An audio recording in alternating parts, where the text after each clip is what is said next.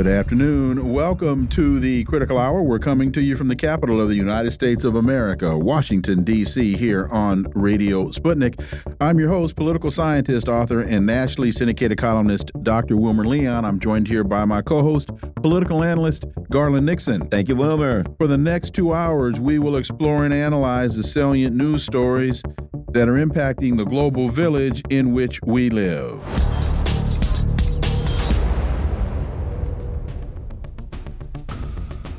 Consortium News has a piece by Scott Ritter on speaking plain Putin. Any retrospective on the Russian Ukraine conflict begins with a modicum of interest in how Moscow defines the conflict.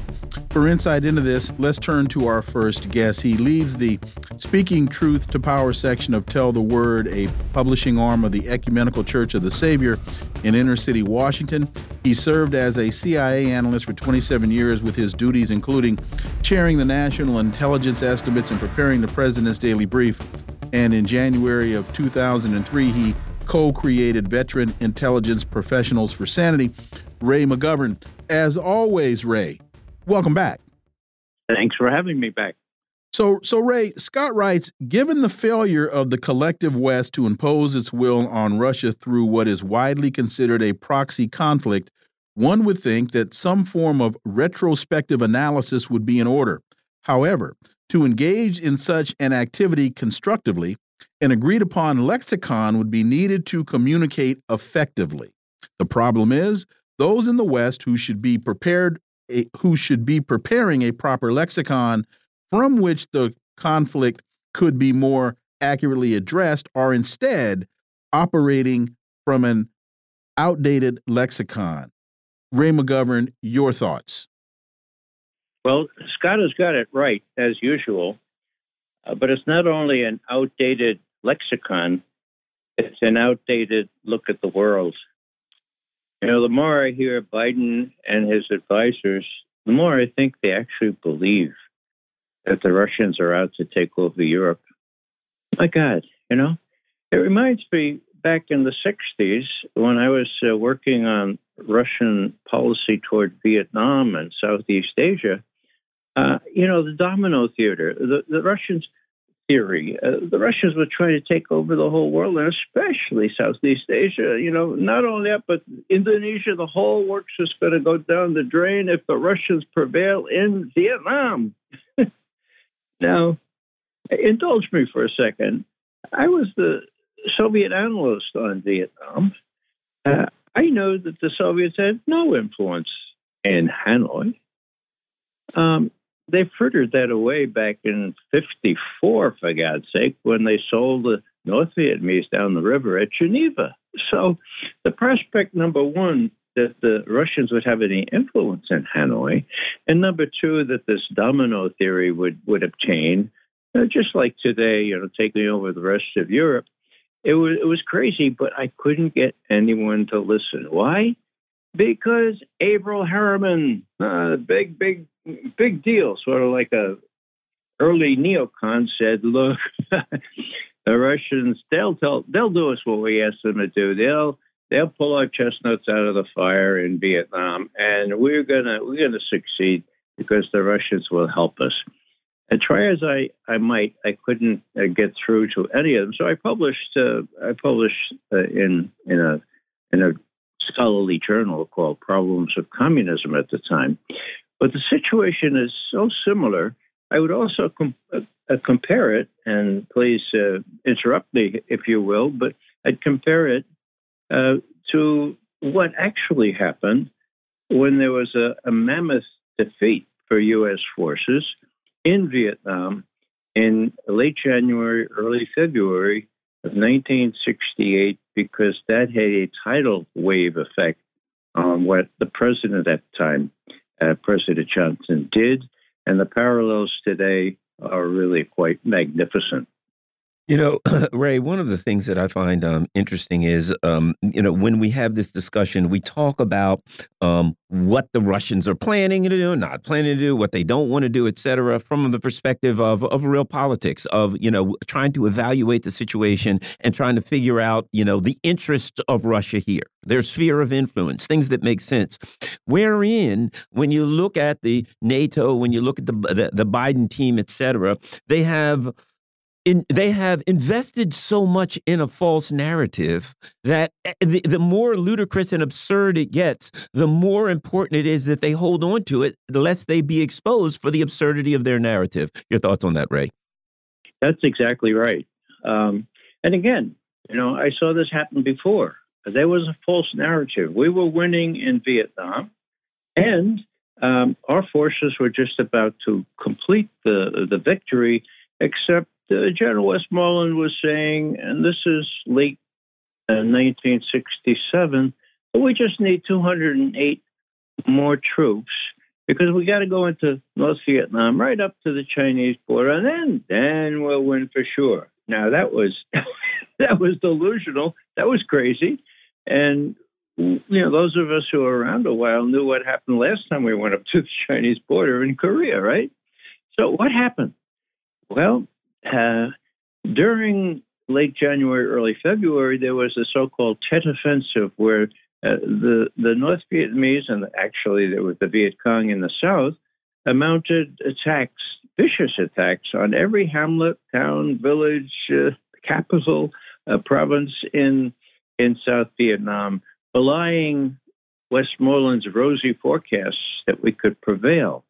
Uh, they did that with twice as many troops as William Westmoreland was was uh, would agree to carrying in his figure. So what happened? Well, this is relevant to today. It was such an extreme loss, and Westmoreland's uh, appeal for you know just 180,000 more more troops was so so crazy and so likely to get us into a war with um, with China as well as North Vietnam uh, that what happened was people leaked.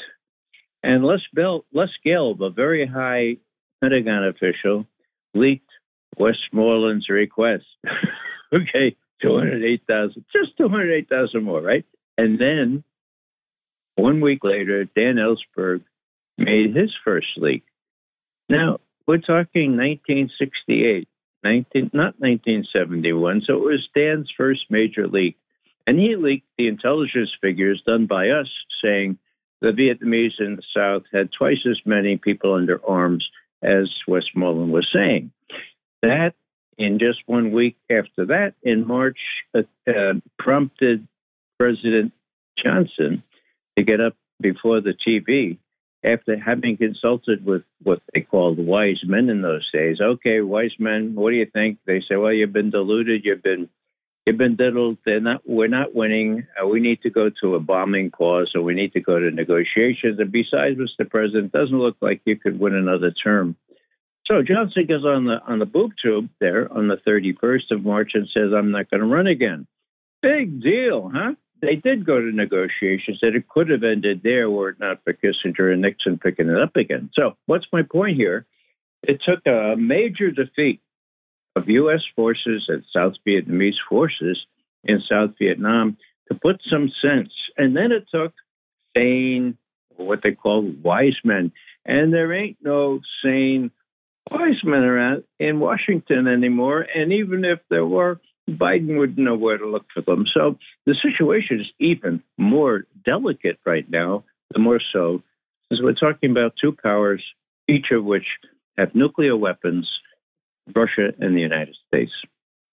Talk quickly about the complicity of mainstream media here relative to uh, the perspective that Scott is talking about. Because just this morning, I had on Morning Joe, and Mike Barnicle was talking about how the United States must defeat Russia because if the if Russia makes its way through Ukraine, it then finds itself bordering NATO countries as though there aren't NATO countries on the border now, and that that is something that the United States just cannot accept. No pushback from Joe Scarborough. No pushback from Mika Brzezinski, who, for those who don't know, whose father is very instrumental in helping to formulate this whole failed uh, worldview. Uh, so there is just this almost this echo chamber that nobody says, wait a minute. For example, what, what Barnicle, of course, was alluding to was this mythology that Vladimir Putin wants to take over Europe. Can anybody direct me to a speech where he has said that? Can anybody direct me to a policy paper where that has been stated? I don't think so. Ray McGovern. Well, not only that, Wilmer, um, the proof is in the pudding. Uh, if Putin wanted to take over uh, the rest of Europe, you would think that we would have all basic ammunition for our tanks and artillery. It's called 155 millimeter uh, shells, and we don't have them, and we haven't been producing them. And so, you know, it's really a stretch to think that we wouldn't be having those kinds of ammo uh, if we really thought the Russians would be a threat. So even after we overthrew the government in Kiev, they still didn't make the 155 millimeter artillery and ammunition. That's why we ran out of it. That's why the Ukrainians ran out of it. So uh, tell me, uh, is this a, is this an indication that this fear that Russia is going to take over Europe is, is synthetic, or is it simply a matter of complete ignorance on, to, on, on the part of those who are supposed to be preparing for a a real war against Russia. Uh, take your pick. I take the first one. And these kinds of tangible evidence uh, are are paramount in looking at what's really happened here. Worst thing is that uh, people like the mainstream media turn to people who work in the intelligence community uh, during and after Bobby Gates and Bill Casey, and those people don't know their rear ends from their elbows in terms of what Russia what Soviet aims are, they were expressly picked to coincide with what policymakers want to hear and want to do. I'll, I'll take a different uh, uh, option. I think the reason they're saying that Russia wants to, you know, invade, invade uh, Europe and you know run all the way to the English Channel, it's propaganda for the P American people so that they can and the European people so they can justify what they're doing. Because again, look, uh, uh recently um, Germany came out and said, you know, if we were attacked, we don't, we couldn't even defend ourselves. We'd run out of our, uh, you know, ammo in a day. Uh, uh, uh France has like twelve uh, uh, tracked um, artillery devices left. They have literally demilitarized themselves if they thought that Russia was going to attack them, there's no way they would have de literally demilitarized themselves because now if and, and and in fact someone even said it I think it was Pistorius recently said it yeah if the Russians wanted to go take us out now we wouldn't be able to slow them up. They wouldn't have done it if they believed that the Russians would. However in order to keep justifying money and all this other stuff and all the stupidity that they've done and the suffering that they put their people through, they have to direct that kind of propaganda towards the American and the European people. Your thoughts, Ray? Well, they do. And I, I find you agreeing with me, Garland, uh, that this is a synthetic uh, threat from the, the, Russians. And that's why there are no shells. That's why there are no armies. Yeah. And so if you want to justify uh, feeding the military industrial complex even more, well, that's what you have to do. You have to raise the threat. And the threat is, of course, uh, the, the big pick here, of course, is Russia, because that always works. And the people are pretty much denied the real story because of the mainstream media. They don't listen to Sputnik. They don't listen to other things that I'm on. They don't listen at all. They, they're they're really brainwashed, and I use that term advisedly. And that's a very sorrowful situation because they could be led into a wider war thinking that they're doing the right thing against a real threat when the threat is synthetic. And they can also be led into believing that it is a war that could be won when in fact it is uh, the formula for ultimate disaster. 30 seconds, Ray. Well, that's true. You know, as we told uh, President Biden in our last memorandum, Veteran Intelligence Professionals for Sanity, you can't defeat Russia and avoid World War III, okay? This is a core interest for Russia, Ukraine. You're not going to be able to defeat Russia. And just the opposite, of course, is happening. Russia is, has defeated pretty much uh, what Zelensky and the U.S. have been trying to do. The sooner we come to terms with that, the better, because this will not wait all the way until the next U.S. election. Ray McGovern, as always, thank you so much for your time. Greatly, greatly appreciate that analysis, and we look forward to having you back. Most welcome. Folks, you are listening to the Critical Hour on Radio Sputnik. I'm Wilmer Leon. I'm joined here by my co host, Garland Nixon. There's more on the other side. Stay tuned.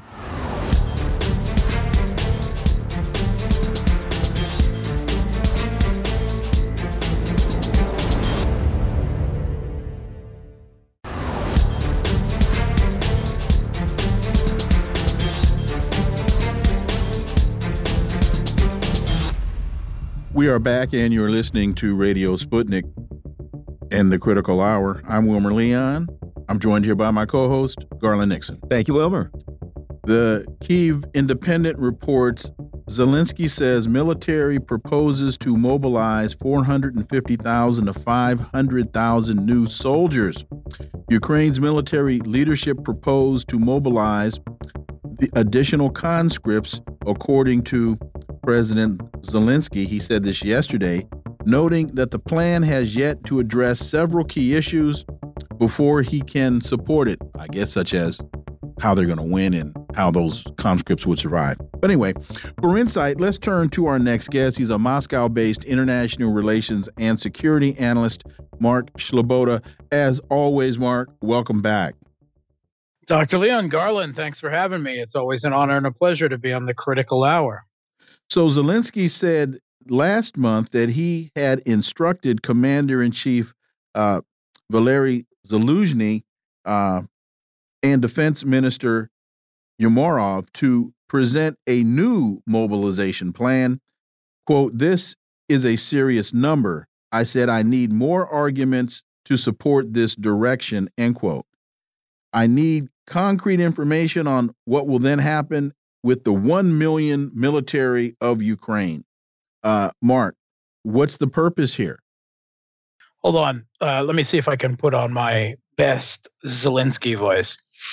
I want to be clear.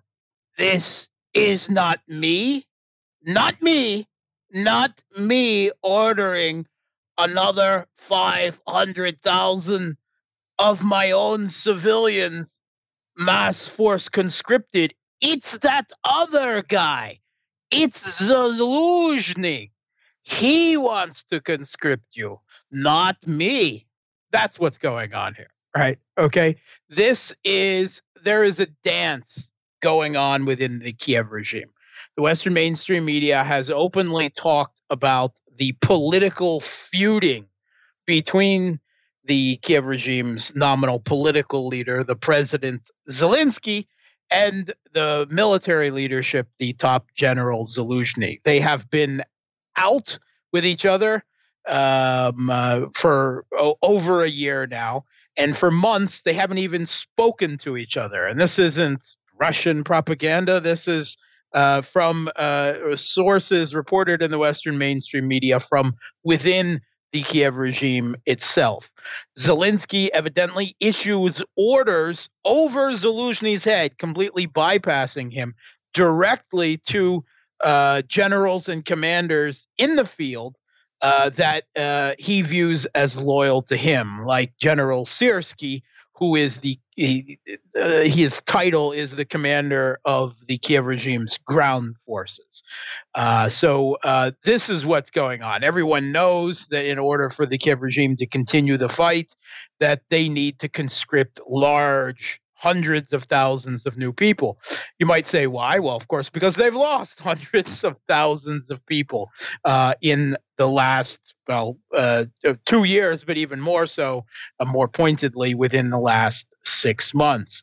And I would like to, for once, say a voice of thanks to the New York Times for the first time in two years, they have finally noticed what quote unquote mobilization means in Kiev.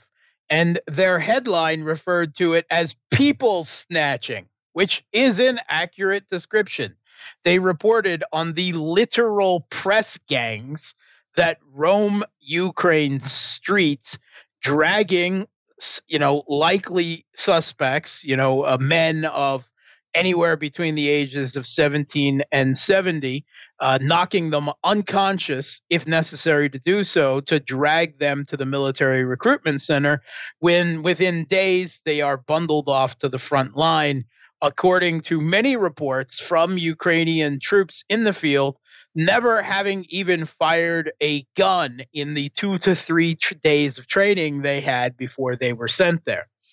Um, the Kiev regime's military intelligence chief, the genocidal maniac Kirill Budanov, gave an interview this week where he was quite open that these forced conscripts are absolutely necessary and the process must continue, but that they are not motivated fighters, that eh, they seek at the first opportunity to throw down their weapons and run away. He laments that the regime's most um, uh, fervent fighters, the ideologicals, the um, uh, Banderite fascists and West Ukrainian ultranationalists of all stripes, who volunteered initially for uh, the uh, to deal with the Russian intervention, are all gone. Uh, or uh, gone in large, very large numbers at least. And his solution, of course, he it, it, it wasn't to oh, I don't know, not call up more troops and maybe seek peace negotiations on Russia's terms. No, he insists a new way must be found to motivate the forced conscripts into fighting, to fighting and dying for the regime. Um, he didn't specify exactly what that is, but knowing Kirill Budanov's uh, proclivities and um, uh, ideology, I don't know, maybe you could put a gun to their families' heads maybe maybe send their wives to the front with them. I, I, I don't know uh, what exactly he thinks would motivate these conscripts to fight for the regime uh, where they have not been willing to uh, previously. But obviously, it is a huge military problem. It is a military problem and it is a political problem in Kiev right now with this game of hot potato, with Zelensky attempting to toss the hot potato to Zaluzhny and say that he is the one who is going to be responsible uh, for taking your your sons, uh, your uncles, maybe your daughters, even, uh, and sending them to the front.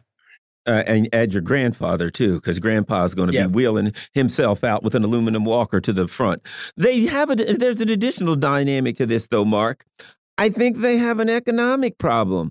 They're not getting any money. Now, here's the, the, uh, one thing that will work well, and that is these new conscripts seem to have a propensity to throw down their guns and run.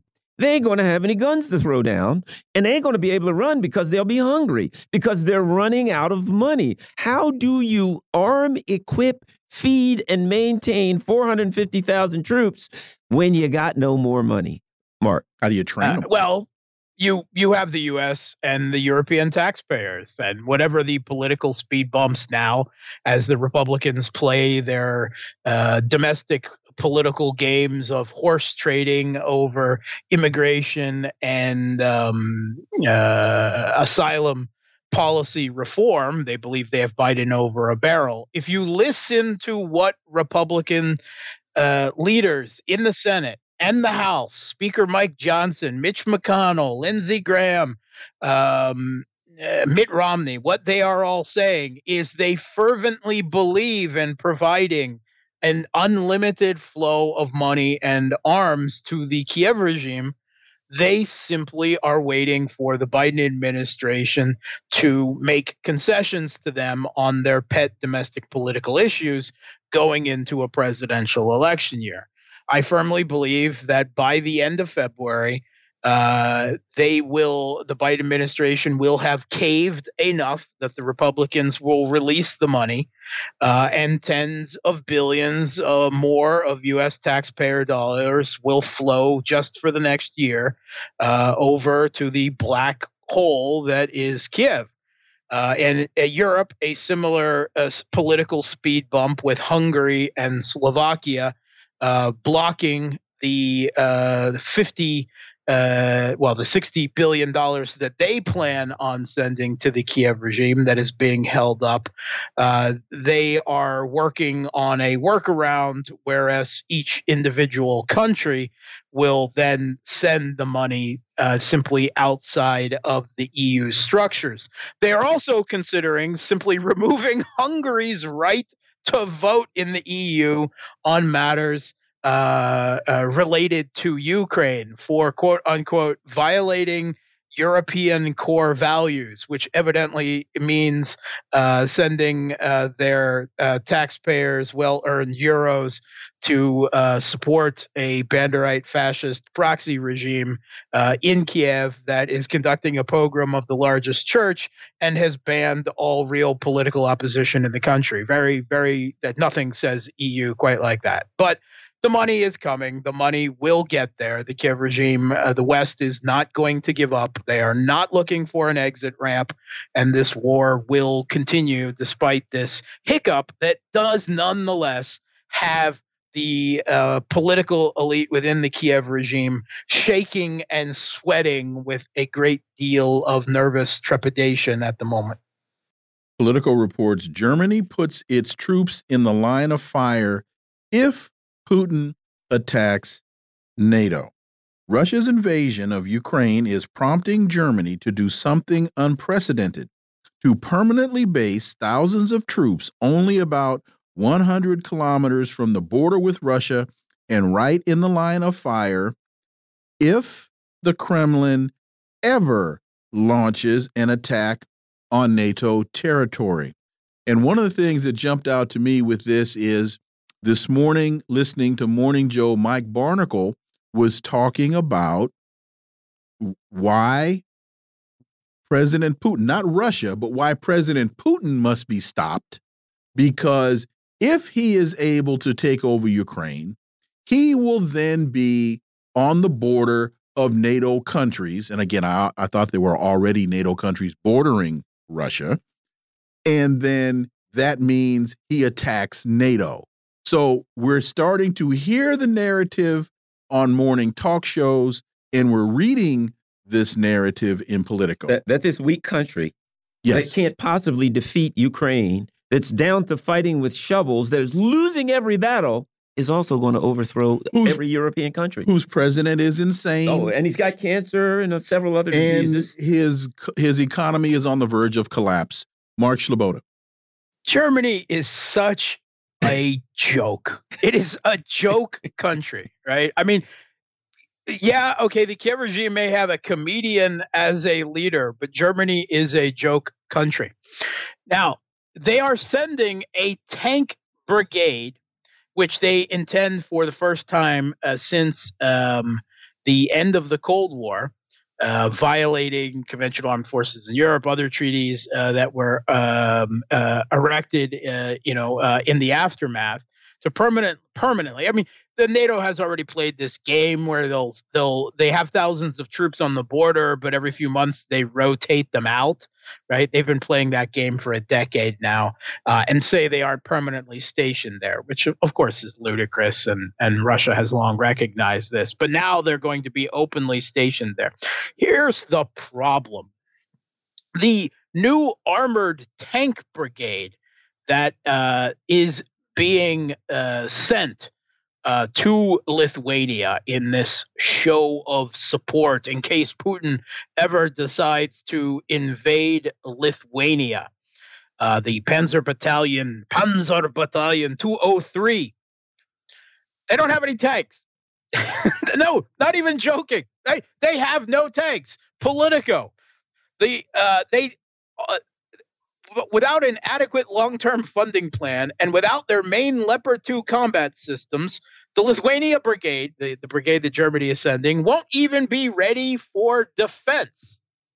See, here's the problem uh, Germany has a severe the German military is severely underfunded. It's been let to run completely into the weeds.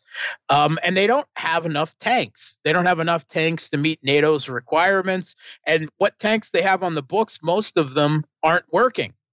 Uh, and what tanks they did have that they were able to get working, they sent them off to Ukraine. In fact, Panzer Battalion's 203 tanks from Augustdorf in North Rhine Westphalia has handed all of its Leopard 2 tanks to Ukraine and is waiting for n- new replacements to be built. So, however many years it takes for Rheinmetall to produce new Leopard 2 tanks that aren't immediately sent to Ukraine to burn with the rest of them on the Ukrainian steppe, uh, maybe eventually uh, we'll get to these troops that are now being sent to Lithuania. Uh, In the okay. meantime, I guess they're basically just going to live on the Lithuanian dime because they're not worth anything without any tanks. maybe they'll send them on bicycles. How about that? Mark. Sleboda, as always, thank you so much for your time. Greatly appreciate that analysis, and we look forward to having you back. Thanks for having me. Folks, you're listening to the Critical Hour on Radio Sputnik. I'm Wilmer Leon. I'm joined here by my co host, Garland Nixon. There's more on the other side. Stay tuned.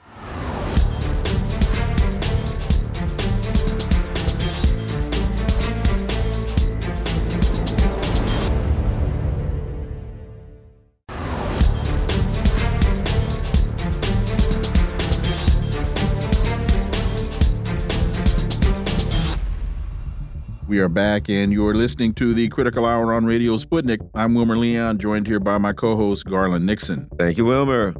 Cashing in on genocide, Israeli firm pitches beachfront real estate in leveled Gaza.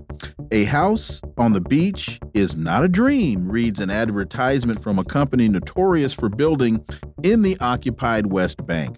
For insight into this, let's turn to our next guest. He's the host of the Left is Dead podcast, James Carey. As always, welcome back. Oh, good to be here. I was enjoying the last segment of German bashing. I- I have to I have to say this, James. Garland and I, from the outset, have been saying that this attack on Gaza was a land grab and that the settler colonial government was planning to build beachfront condos on the Mediterranean. We've been saying this from day one.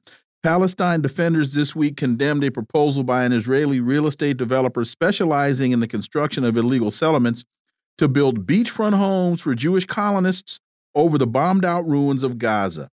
While the Israeli government funds settler organizations, Harey Zahav's proposal is not believed to be state supported.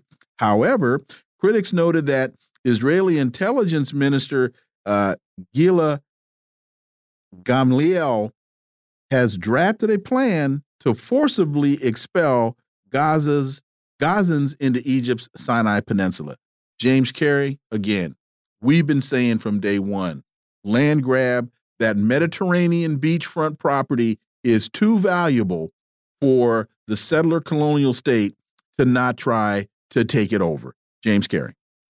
Yeah, completely agree. I, I think that's been really, if you're paying attention, that's been on notice since day one of the occup- eh, well of the invasion of Gaza this time. And I mean, it's always been on display if you look at the Israeli media and everything like that. But it's been on display since the beginning of the you know talk of the land invasion, the the IDF ordering everybody to move south and then bombing the south of Gaza, and then uh, this whole in the media, the whole back and forth between why doesn't Egypt take them, why doesn't Egypt want to take them? You know, these people who have been under legally under occupation by the Israeli government. I don't care if Israelis live inside Gaza or not. Everybody knows it's it's a prison administered by the Israelis. You can't lie about that. So I think the ethnic cleansing. This is what everybody who's pro-Palestine has been saying from the beginning, and I think it's not shocking that they make this sort of obvious. But whether the settlements are fully government endorsed or not, I mean, they're not always fully government endorsed in the West Bank either, so that never stops anyone.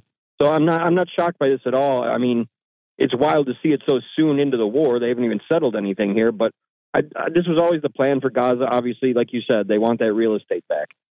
And I think there's a little bit of gas or oil or something underneath it too. I think they Off want the to get their yeah, pretty yeah. sure they want to get their mitts on that. And you know, there's a lot of hubris here because at a time when people are pushing back, um, reminding um, Israel and reminding the U.S. that um, that occupying land that they acquired during a military um, uh, um, it, it, you know, intervention, whatever you want to call it, in 1967, is against international law. You cannot acquire land using mil militarily or during a conflict and keep the land. You got to give it back. But the hubris of when all this is going on, when they're openly violating the, uh, the international law, openly telling everyone we're going to commit horrific genocidal acts, that they would say, oh, by the way, once we get these people out of the way, we're going to start building beachfront property on their land. Again, the arrogance of Hugh and hubris to say, sure, we can say this because we can do anything we want.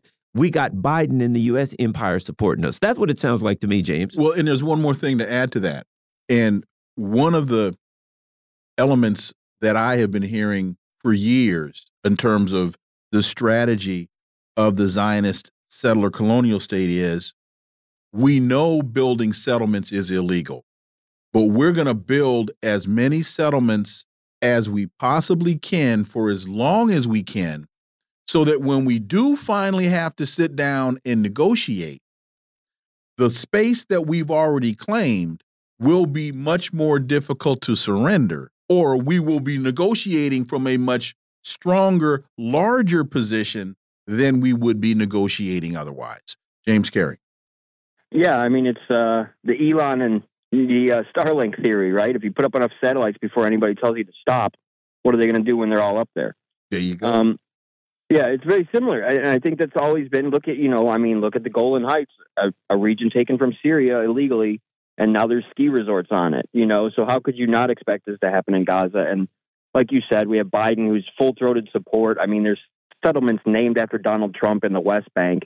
Uh, the U.S. empire is always going to be behind this. I mean, at this point, they're talking about starting other wars for Israel or starting other bombing campaigns. I think that the fact that the U.S. backs this up shows they don't have to stop anytime soon. And to think, you know, with Russia bogged down in Ukraine, China busy trying to establish itself, they probably have a decent run before anybody's going to stop them from building these things in Gaza. And I think that they know just as well as anybody else what they're doing. And they, the issue is, is they won't admit it in Western media or American media, but they'll admit it in their media. And I think that the important thing to pay attention to is what the Israelis say. And you're right, what the Israelis say is that we're just going to continue doing this because who's going to stop us? And even if they're not saying it vocally, they surely show it with their behavior.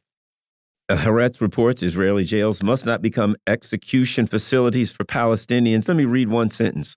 Evidence of medical neglect in some cases raises the suspicion that at least two others died due to a lack of proper medical treatment. We've literally watched them on video run over patients in front of a hospital in tents with bulldozers and just kill them in front of everybody, right? I don't think medical neglect is the. I think they're going a little soft here when they're saying it may be medical, medical uh, neglect. You've had people come out of those um, uh, prisons, Palestinians dead with broken sternums, broken ribs. I suspect they're probably beating these people just for general principle. Your thoughts, James? Yeah, and I think it's it's wild to think too. I mean, the Israelis jail a record number of children for any supposedly Western, you know, liberal democracy to think that these children are surviving in adult jails and doing fine, whether it's physical health or mental health, obviously, Israel has no problem. You know, look at Gaza itself. I like we've said, you've said, I've said, it's an open air prison. I mean, if you have people living in these conditions, they're not physically healthy, they're not mentally healthy, and I don't think Israel cares about any of that. So to think that they're going to do some real investigation into it, I, I don't ever see that happening because this is how they like it. I mean, they they like the system you know, people say Gaza is not occupied, Gaza is not occupied, but you look at get out of Gaza, you have to go through essentially what is an Israeli prison wall where you can just be randomly detained too. And I mean, you can be randomly detained anytime in Gaza or the West Bank to see, you know, to act like anyone's going to do anything about these few cases that have been proven in the Israeli jails. These are jails where people go without trial for years. You know, these jails shouldn't exist, period. So to think that anyone's going to clean up their act and oh well, we're going to make sure that prisoners receive proper medical care. Like, pal, we don't even do that here.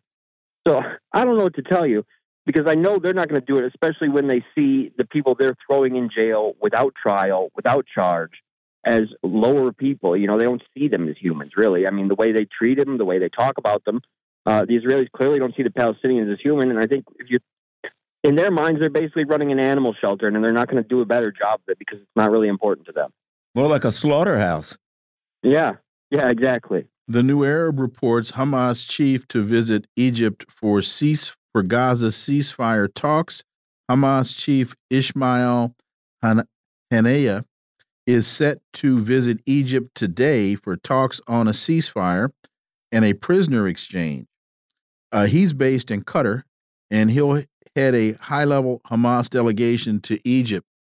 And what this made me think about was um, General Soleimani and how he was lured uh, to his death. And uh, I pray that uh, this is not a, a similar setup. But uh, your thoughts?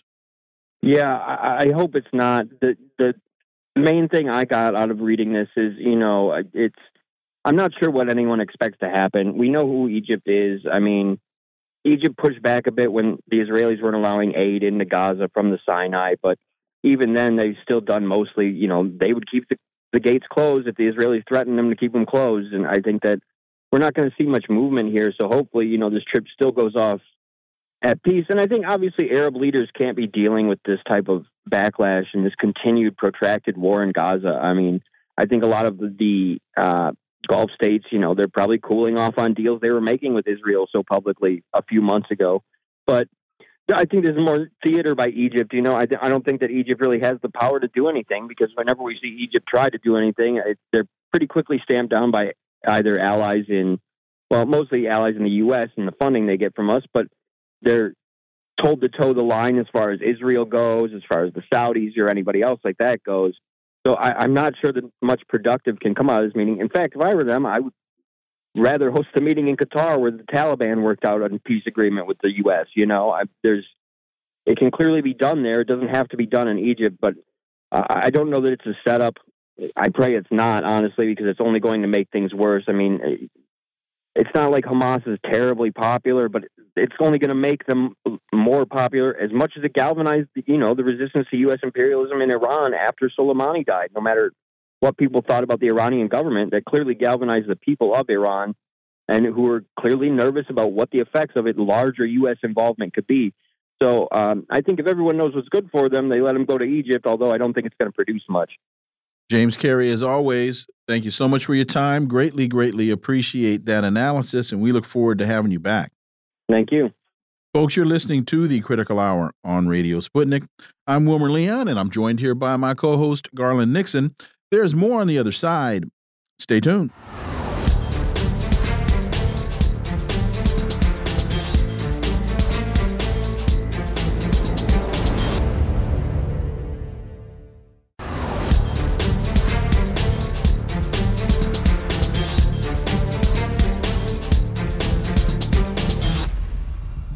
We are back, and you're listening to the Critical Hour on Radio Sputnik. I'm Wilmer Leon, joined here by my co host, Garland Nixon. Thank you, Wilmer. Portside reports Colorado Supreme Court declares Donald Trump ineligible for the presidency under Constitution's insurrection clause. I think it's more accurate to say that they declared him ineligible for the Republican primary to be on the ballot in the Republican primary. How significant of a development is this? Well, for insight, we turn to our next guest. He's one of the top lawyers in California, if not the country. His firm handles police misconduct, including excessive force, deadly force, false arrest, the entire portfolio. He has argued cases before the United States Supreme Court. He is attorney John Burris. As always, John, welcome back good to be with both of you as always. Um, a very significant time we're in these days. Um, you know, you just talked a little bit about um, uh, what Colorado just did, and I, I think that in the overall significance, it's only going to be significant if the U.S. Supreme Court uh, makes a decision that affirms that decision and essentially says they're correct. If they don't, then of course it's, it's kind of insignificant um, in large because um, as it relates to Colorado, it's a state that's already can be won by by uh, the Democrats anyway. So its importance is not significant in that sense. Port, on the other hand, if many other states, particularly some of the states in the battleground uh, states, um, were to take the similar position, then it would be significant. Uh, but I think the Supreme Court will have to make a decision about this. You know, there's a point, and this may go to a point that each of you could appreciate. In, in many ways, there has not been a factual determination about whether insurrection has occurred or not. And that's the part that's troubling to me. Uh, it, it, seems to be a finding that, that a judge made based upon some evidence uh, that she received. But, you know, it hasn't been a real determination. Uh, much of the issues have not been litigated. And you cannot rely upon the impeachment inquiry because that's a whole different kind of question. And plus, he wasn't found guilty by the Senate. So uh, there's a lot of loose ends that are related to this particular decision uh, and the foundational component of it. And I think the Supreme Court probably will say that, well, you can't convict a guy and send say a guy can't go to office when you haven't had a real factual determination of whether or not the facts are true or not. Yeah, John. Uh, uh, two things. I, you know, I was I've looked this up in the past, and I know the it was during the Civil War where some Confederates, you know, they after the Civil War they returned to Congress and said, "Okay, we want our seats back," and they said, "Oh no, that's not going to work." And it was certainly reasonable, but as you said in this instance, there's you know you can say it happened, and you can believe it happened, whatever, but there has not been some adjudication of the matter that you can set uh, that that you can point to and say, "Okay, here's the the evidence that of, of the, the, the the finding of insurrection. The other thing is this is what worries me. To every action there is an equal and opposite reaction. Let me say this. In recent years, not, you know, I'm an independent, but in recent years, the Democrats have won North, Car uh, uh, North Carolina in one instance, you know, a member of Obama. They've won Georgia. They've challenged in Texas, blah, blah, blah, right? So they've got some red states that they're challenging in. What they have to be concerned in is that they get close to Georgia, Texas, or whatever, and then the Texas legislature says, oh, you know, I think we got a plan here. And they find a way, and we start seeing a snowballing of this. I say, hey, just beat the person, let them win or lose. Once you start down this road, I think it's dangerous because red states will reciprocate in all likelihood. Your thoughts on that angle? Well, my, my view on it, though, you can't just ignore what the president did. I mean, what Trump did was pretty outrageous and and one could argue that there are facts that are supported. So uh, you don't, I don't think you can just ignore that. And, but that's the findings you got to have. That's what a court of law is. And if the Supreme, if the court uh, and, and and the federal court were to find him guilty of those particular charges, even though the actual charge is an insurrection, it is close enough that one can infer uh, that that conduct was an insurrectionist type conduct. So uh, I, I think that has to be done, even though it could have a, a reaction uh, in some of the other states. But we got to remember these red states are going to react in ways that are there to protect their own individual interests. But those are political questions, it seems to me, that the local politicians and the national politicians will have to fight those out. Right now, we're in a court of law, and that's totally different.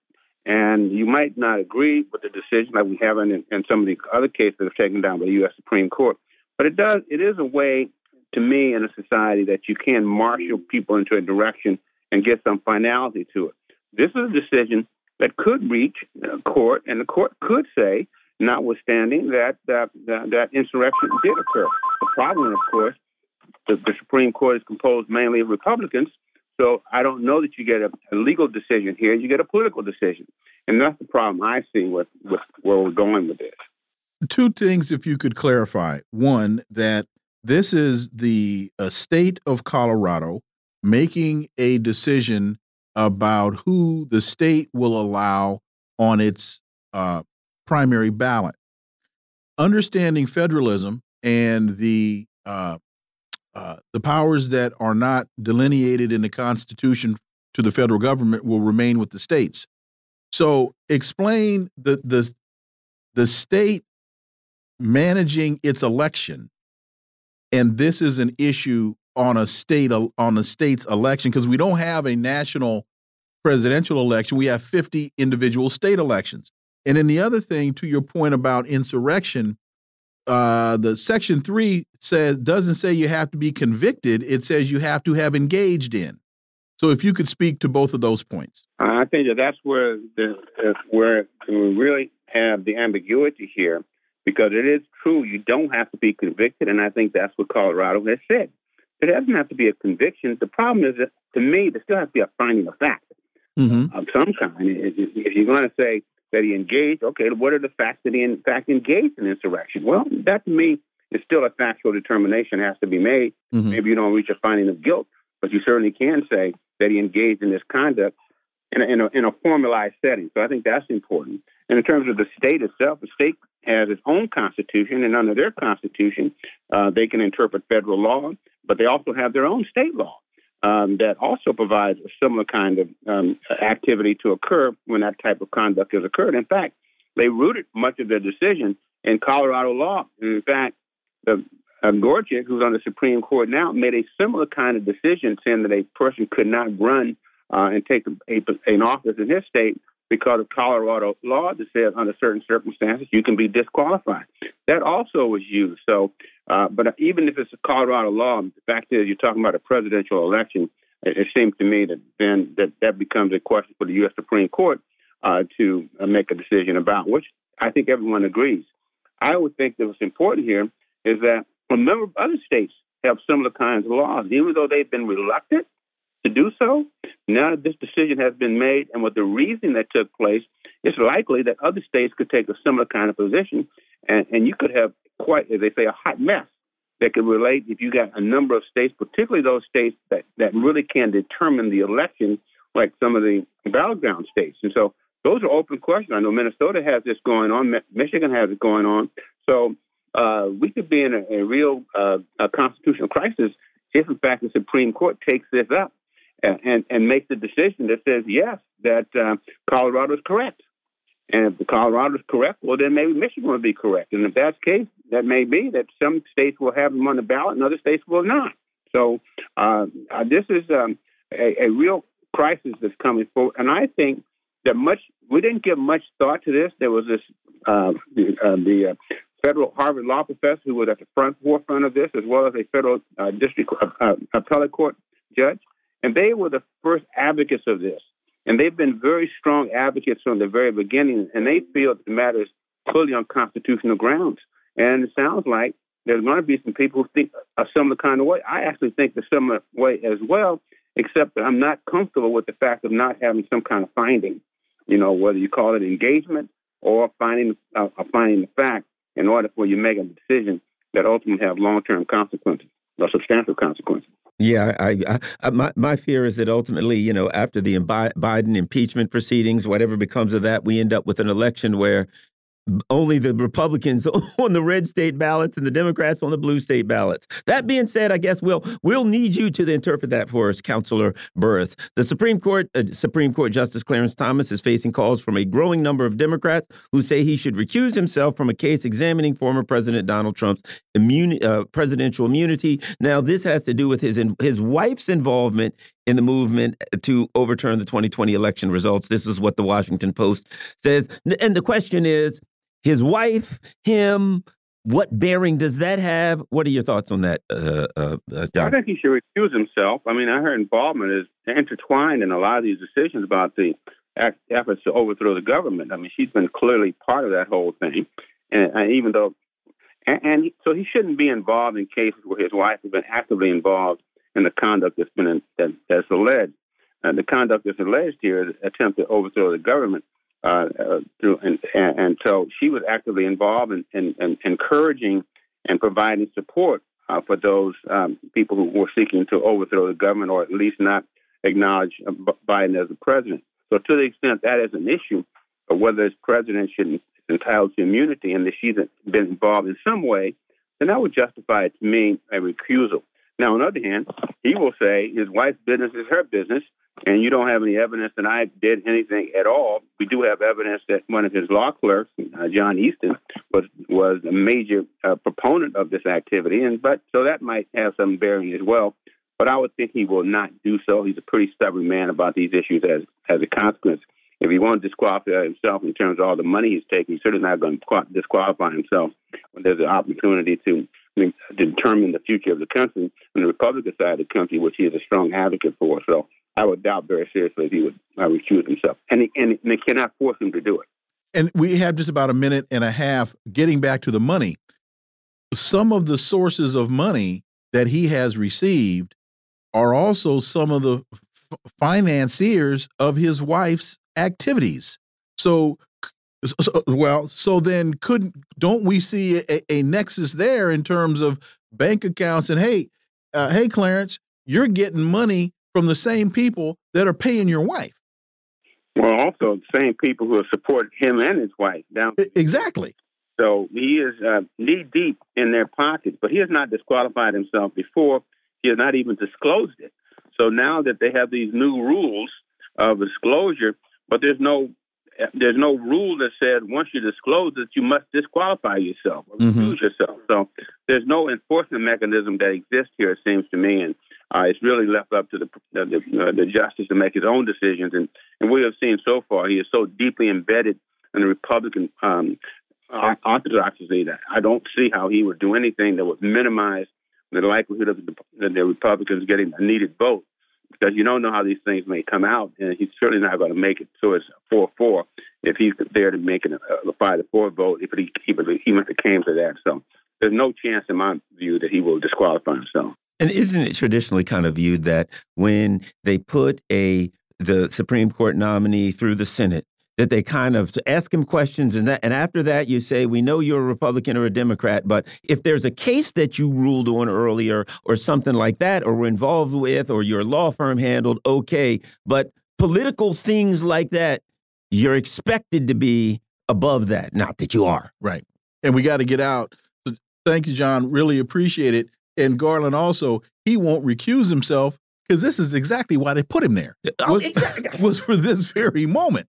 So uh, I seriously doubt that he would find it in his heart, let alone in his checkbook, to uh, to not to be involved in the situation where they definitely sent him there to handle. Uh, folks, you are listening to the Critical Hour here on Radio Sputnik. I'm Wilmer Lee, and I'm joined here by my co-host Garland Nixon. There's another hour on the other side. Stay tuned.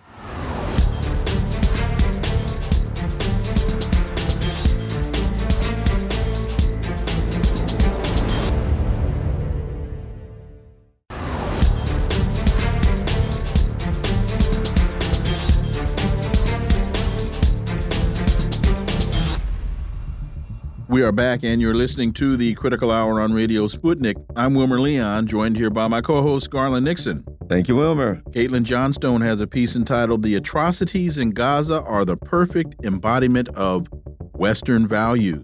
When Israeli President Herzog said that the attack on Gaza was a war to save Western civilization and values, was he telling the truth?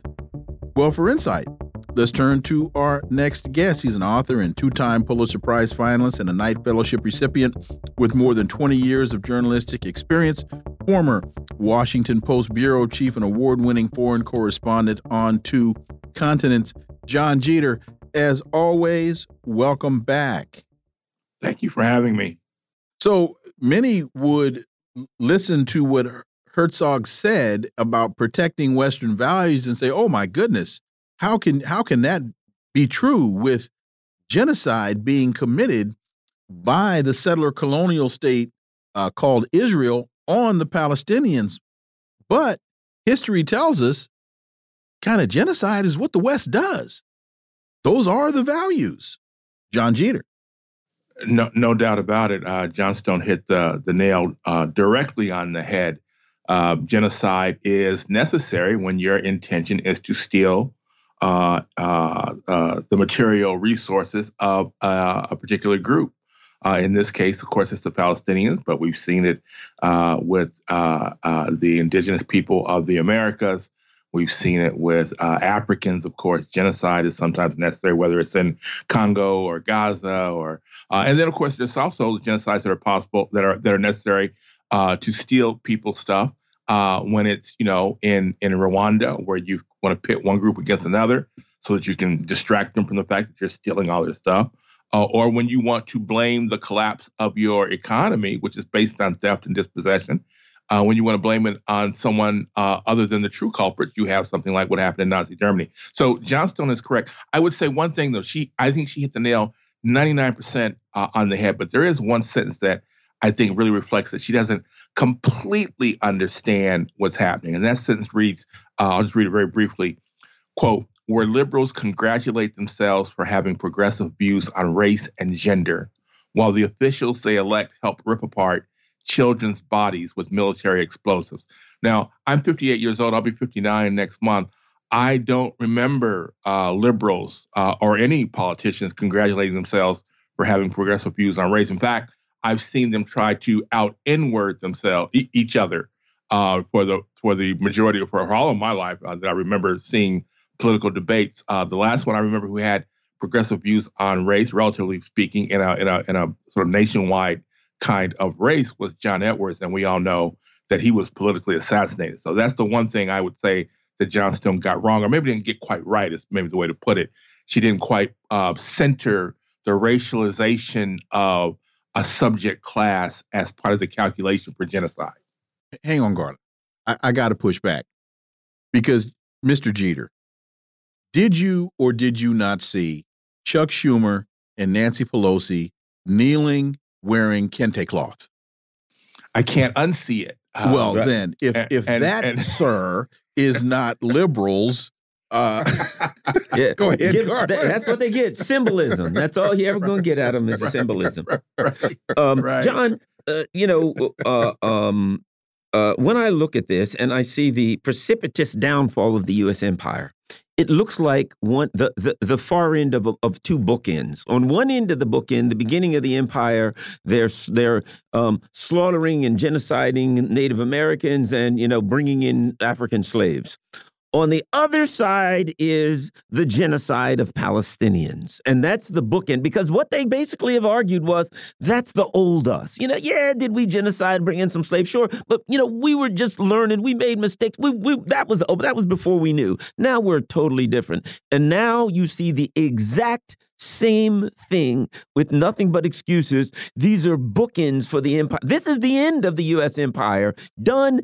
Everybody in the world can look at it and see, yep, that's who they are. The same old guys. John. And let me let me add one thing quickly because you're going exactly where my next question was going to go, and that is, uh, John, to Garland's point about bookends, whether it's the United States or whether it's what's happening in Gaza, this is not only is it colonialism, it's settler colonialism.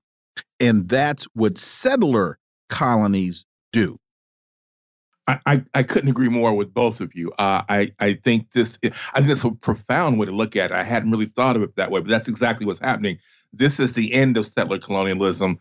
Uh, you could argue that the the murder of uh, ninety percent of everyone that the Europeans saw in the Americas when they came to shore, that that murder over the course of a century, which is the fastest and, and, and known history, you can argue that that was the beginning, marked the beginning. So uh, I think that's a profound way to look at it because th- here's what I think. I think I, you don't, you won't see this in the media, but I think we all know it. All of us who sort of follow these things, we feel it and we know it. Uh, which is that this is the end of settler colonialism, or at the very least, the beginning of the end. We're not going to go back. The world is not going to go back to what it was on October 6th. That's not happening.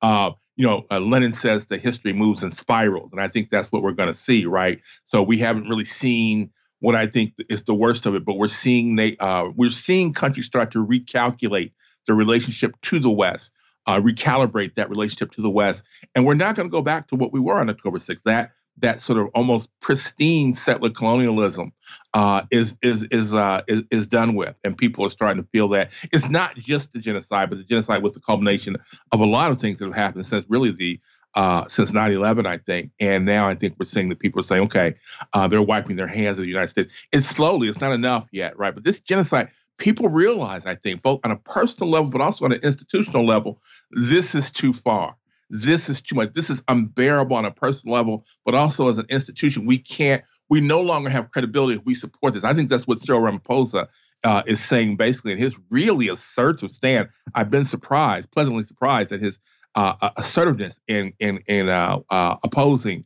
the genocide. Uh, but I think that is basically a, a, concession to his people who have always wanted him to be more left, or at least since he's been president, who wanted him to be more leftist, to be more uh, re- responsive to their needs because Palestine is a big deal in South Africa for Black South Africans, particularly for the for the leftovers of the uh, anti-apartheid movement. Palestine is a big deal. He had to respond. I think more and more countries are going to express that in different ways, but in ways that at least say we're moving forward. We're not going back to settler colonialism, which has really left most of us, uh, the vast majority of us, with with either next to nothing or or not enough that it that it actually counts uh, to to uh, uh, uh, justify a genocide.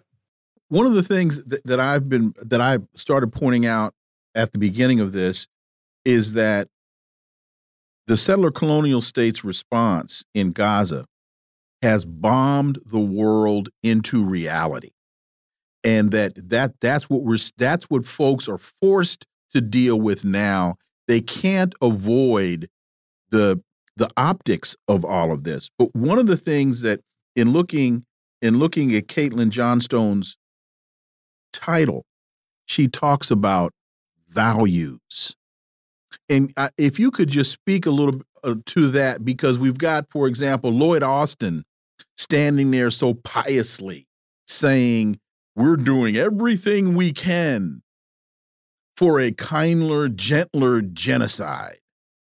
But at the end of the day, it's Netanyahu's decision. Well, when you engage in settler colonialism, you engage in dehumanization. When you engage in settler colonialism, there are there are values involved here and this is i think her point is but those values aren't always moral and so what we're seeing here is the immorality of western values I, I, again, I could not agree more. I, I, just think about Lloyd Austin, and I, I, don't even hear him when he talks anymore. I hear that that that voice that you would hear in the Charlie Brown cartoons of the adult whenever the adults speak. That's what wah, he sounds wah, like wah, to me. And it, and it reminds me, you know, again, I know I've said this on this show and I probably said it more than once, but it reminds me again of Fred Hampton's, you know, uh, admonition of, of, of answers that don't answer, uh, explanations that don't explain, and conclusions that don't conclude. I, I, I just don't, I don't think they have any answers anymore, right? They're just desperate. They can't stop. It, it's sort of like two really barbaric entities, the United States and Israel. And that's not anti Semitic, that's anti Zionist, right? Uh, the Jews and, and the Zionists have very little to do with each other. The, the, the Zionists have just co opted the Jewish cause, the Jewish history of suffering. Uh, but it, it, reminds me of two sort of barbaric entities. One is a little bit barbaric, more barbaric than another and one is saying, "Well, yo, man, you got to slow your roll a little bit, man." And and and Netanyahu can't do that because they're this is their true self, right? This is who they really are, and and these values. I mean, like you said, they've come to the fore, and, and, and this is the thing too. I think it's so interesting, very much like what we've seen in the United States, where the black during the Black Lives Matter movement, right? We saw basically uh, uh, the the state certainly respond to cries of "Stop killing us!" with "I don't think so, more police." right? Um, and, and, that's of course what we're seeing with the United States stopping these ceasefires. And again, very much like in the United States, led by, in some ways, the centerpiece, or at least the, the, the public profile is led by black people like Lloyd Austin, like the brother who uh, I use brother loosely here, uh, the brother of the United Nations who stopped the uh, vote on the ceasefire uh, last week, I think it was. We still see black people playing an increasing role in empire, and I don't think that's going to bode well for us. I remember the late great Glen Ford telling me about how uh, Vietnam, Viet, black Vietnamese, uh, black soldiers during the Vietnam War were often um, let let go by the Vietnamese. They weren't they weren't uh, killed, uh, and they were they might take their weapon, but they let them go because they understood what black people uh, in the United States went through, and so there's kind of a solidarity with them. I wonder if that's going to happen Iranians, now. The Iranians did that when they took over the embassy. They kept right, exactly. one because he was a CIA yeah. operative. That's right. That's that's exactly right. And and I don't know. I don't know. It's a question. Is that do we still have that kind of uh, do we still generate that kind of understanding and solidarity throughout the world now? I don't know the answer. But again, we're not going back to what we were on October 6th. Uh, the empire is over. And, and, and, let me just say this too. I think we were going to talk about this. I don't know if we have time now, but you know, the Yemen, I think, is you know one of the one of the biggest um, uh, uh, uh, the the education that I got, I think, when I was in South Africa in the early aughts, and there was a word that I never really heard before. Uh, it was about um, how the how the uh, blacks in South Africa won their freedom basically by being by making the state ungovernable. I, think that what the what the Houthis are doing, what Yemen is doing, is they're making Israel, they're making the settler occupation of, the, of Palestine ungovernable. What they're doing is bold. I expect, you know, and, and they've been victimized by settler colonialism as much as anyone. I think just think that's such a sign of things to come. I, I just I couldn't be more impressed and admire the Houthis uh, more uh, uh, than than I do now because of what they're doing.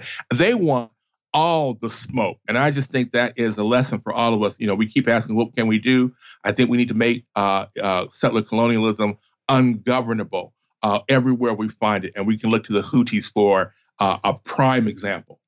You know, John, I, I, see what they're doing as the effect of, you know, like they talk about a trap that the more you struggle, the more, like quicksand, basically. Mm -hmm. So they've created where the empire, okay, the empire has a problem the, the, the, Houthis are blocking the Red Sea. But if they attack the Houthis, the Houthis will then, the war will spread. The Houthis may hit the UAE or Saudi Arabia's infrastructure, other ships. They hit other ships, and now the area is declared a war zone, and no insurance company will insure any ship in the area. So it's it's quicksand. If the empire attacks or struggles with the Houthis, any reaction that's over the top is only going to make it worse. And it's not just that because it's not only making the settler colony ungovernable, it's making it incredibly insecure.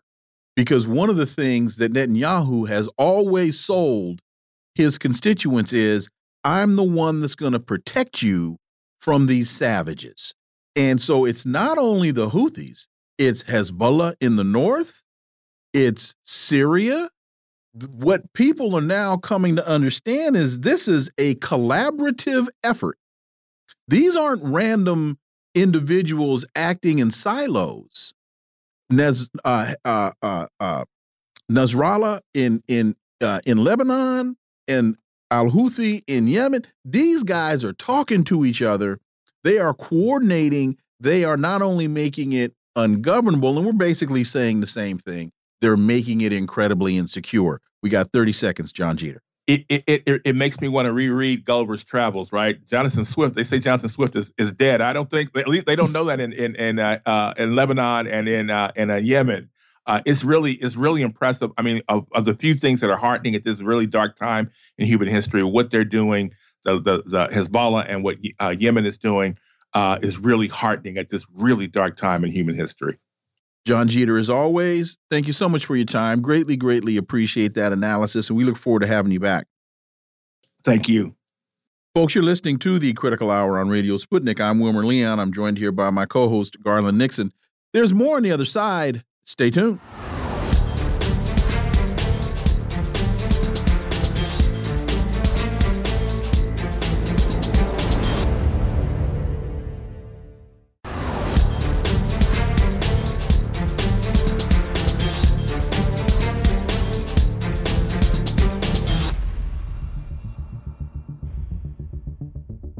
We are back, and you're listening to the Critical Hour on Radio Sputnik. I'm Wilmer Leon. I'm joined here by my co host, Garland Nixon. Thank you, Wilmer. Kevin Gosztola writes Judge rules Assange visitors may sue CIA for allegedly violating privacy. A federal judge ruled that four American attorneys and journalists who visited WikiLeaks founder Julian Assange while he was in the Ecuador embassy in London may sue the CIA for their role in the alleged copying of the context of their contents of their electronic devices. For insight, let's turn to our next guest. He's the co-host of the Convo Couch and AM Wake Up on Rokfin, Craig Jardula. As always, Craig, welcome back. Thank you for having me on, Dr. Wilmer Leon and uh, Mr. Garland Nixon. It's always a pleasure to be on the Critical Hour. So the judge has held that the Americans sufficiently alleged that the CIA and Director Pompeo, through the Spanish security company UC Global and its director David Morales, quote, violated their reasonable expectation of privacy, end quote, under the Fourth Amendment of the Constitution. Craig Jardula. Yeah, when I often look at these things, I start to question first off, right at the bat, are the courts still a valuable tool for freedom and justice? You know, will we find justice within the courts, or is it just all kabuki theater? And they're just kind of presenting this, you know, uh, this kind of like element, this kind of like look, this uh, appearance of sorts that they're going to, you know, be withstanding and withholding uh, truth and justice. So when I look at these things, I start often wonder, you know, are they just doing this to appease these citizens to make them think that they live in a society, a democracy of sorts, or are they going to go the full distance? But, you know, at the end of the day, anything when it comes to the Julian Assange situation uh, that could really rile up the crowd and get the people going as far as, you know, demanding his his freedom, you know, and demanding that, you know, journalism should live. You know, this is more about uh, just a, a, white guy from Australia that they're locking up. This is about journalism itself because if they can jail uh, or make any type of journalism illegal at the uh, at the uh, calls of national security, then none of us are safe. And then the little guys aren't safe. Democracy is dead. Freedom is dead. And uh, uh, that's why I've, I have interest when we see situations like this that they're holding these people accountable and they're finding that you know these people breached our our civil liberties uh, by going and spying on these four journalists. Uh, yeah, and you know, I, I always think it's great when the, whenever the government it, when uh, people are given at least the opportunity to go to court to challenge the government for spying, because it gives the opportunity for the interrogatories, it gives the opportunity to then go in and look at some of the things that's going on to say you, yeah, discovery, to say you got to give me all this information, and that's where we really win, lose, or draw this lawsuit. That's where you really get the opportunity to figure to see how the sausage is being made. And might I add, we're the ones getting ground up to make the sausage. Craig. Yeah. Yeah, I know. Even little guys like us, you know, we've all experienced the monetization or censorship and whatnot, and it all goes back to Julian Assange. You know, uh, it, it, really, uh, when I see situations like this, it does remind me uh, of a lot what I've experienced in Latin America. You know, well, people say, well, why won't the CIA just go in there and take off, the, take over the whole country and do what they want to do? Because it is a nice dance. It's a, a, a very delicate uh, dance. You know, they can't just go in there and take over the whole country because then they'll lose the country right? They'll lose like when they, they press too hard in Cuba, they press too hard in Venezuela, and the people said, no, no, no. So it's kind of this dance they do of sorts where they have to present this kind of, you know, appearance of, of freedom.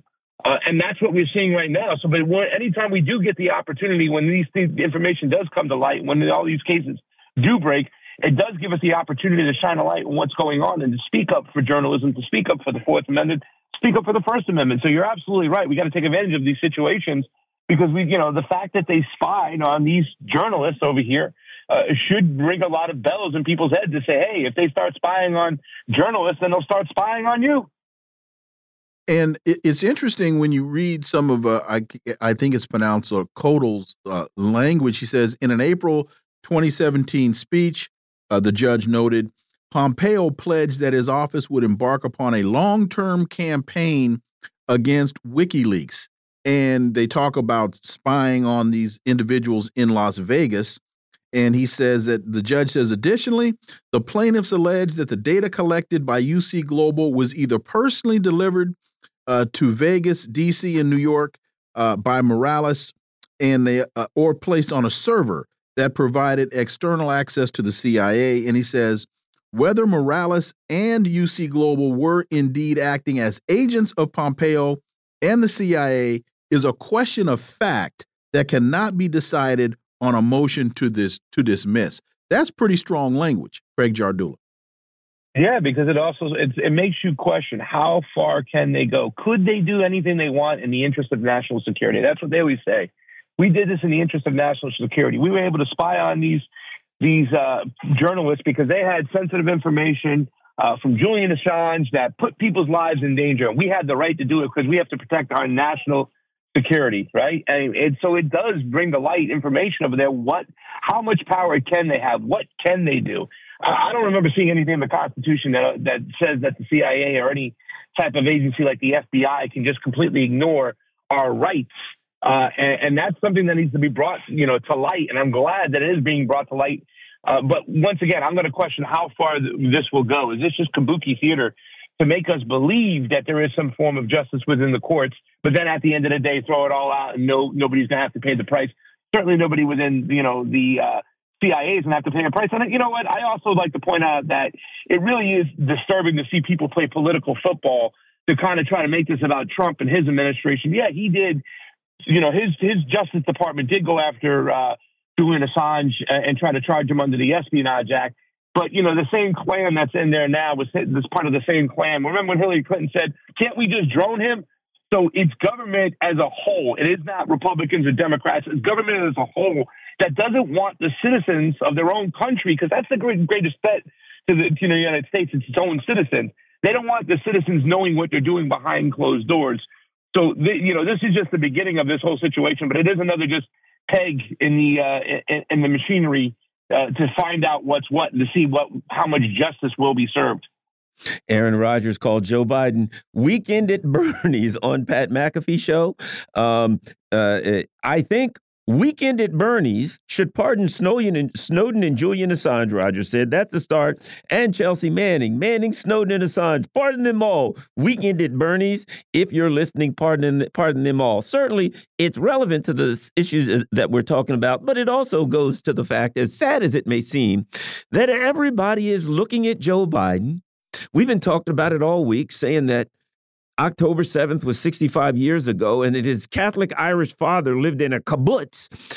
And people are looking at this guy saying, he's brain dead. This is, you know, and when you hear this, you don't go, oh, that's crazy. That's disrespectful of the president. You're like, yeah, your thoughts, great. But, but wait a minute. The other, the other element to this that I think is very, very important is the dynamics of sports here and and who Aaron Rodgers is and the audience that he was speaking to, a lot of the folks that watch Pat McAfee, and I, am going to paint with a very broad brush here, a lot of the folks that watch Pat McAfee may not be tuning in to the critical hour. They may not be tuning into your podcast and my podcast. They may not be listening to Convo Couch.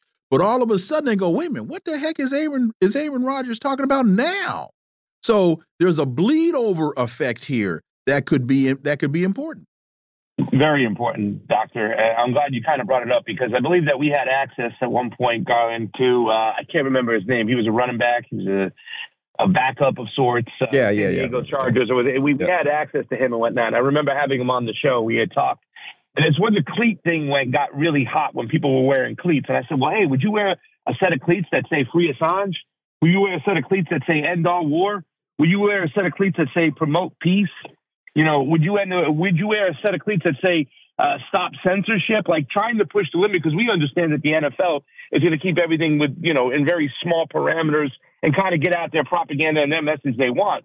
Doctor Doctor Wilmer, you're absolutely right over here, and that's the beautiful thing about you know Aaron Rodgers. Now, um, full disclosure over here, I am a New York Jets fan, and I was hoping that Aaron Rodgers coming to the New York Jets was going to change the whole team around. But he's always been my favorite quarterback. You know, from playing fantasy, but also his willingness to speak about things that could g- grab people's attention and bring them on over to us over here so we can talk about certain things. He he also mentioned the guy who has the Silk Road. He was talking about Ross Ulbricht. He forgot his name, but he was mentioning him that he should be freed. Aaron Rodgers is a very cool cat and does definitely, you know, his whole situation with the came to the to the you know the vaccine and what he did and you know, the way he was kind of demonized by the mainstream media for duping them. He is a very interesting character, and I think it is important that he is talking about these things because he's going to bring other information to light that won't be talked about with that crowd. And it is very, very important. So I'm glad he did say those things over there. It was more than just calling Joe Biden weekend at Bernie's. It was opening the door to things and talk about things about Manning, Assange, and whatnot. And maybe we can push him, gentlemen, that he can wear some cleats that say free Assange on him. Because if there's anybody who's going to push those boundaries, it is Aaron Rodgers. And here's one more question, one more parallel to draw. Aaron Rodgers versus Colin Kaepernick. What's the reaction to what Rodgers has said? What's the reaction to what Kaepernick did? Craig. Greg. Uh, well, I mean, I've always liked, you know, Colin Kaepernick, and I was a Jet fan. I had a shirt that said I'm a Jet fan, but I support Colin Kaepernick because I supported his right to do what he wants to do and say what he wants to say. I wasn't crazy when he then signed with Nike you know what I'm saying? To get a big old deal because you're talking about people who oppress other people in other countries. Nike's at the top of the chain, so I wasn't crazy about that. But these are important. But you, but you get my, you get my point in asking the question. I do, I do, yeah. I definitely get. I, you listen, it is important, and, and I'm glad that this, you know, these guys have brought this information, you know, to the table. But I think that Rodgers is a step above Colin Kaepernick, even though he hasn't been in a situation where he kneeled to the flag. He's going further. He's going deeper. He's going harder in the paint. Uh, and he has a bigger reach. Remember, Colin Kaepernick was at the end of his career when he did this kneeling.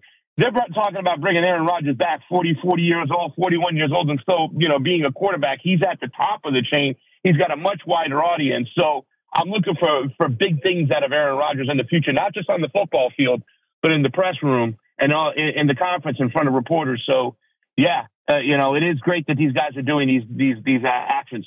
Well, well, Craig Jardula, I'm a Niners fan, and how dare you say that St. Colin Kaepernick was at the end of his career. They ended his career. yeah, it became we the end can of his we can fight that. No, we can fight that out on on our, on our sports show. Yeah, we'll argue that with Weekend He at already Bernie's. lost his job. Craig Stop it. We got a good Jardula. quarterback now, though. Brock Purdy. Let's go Niners.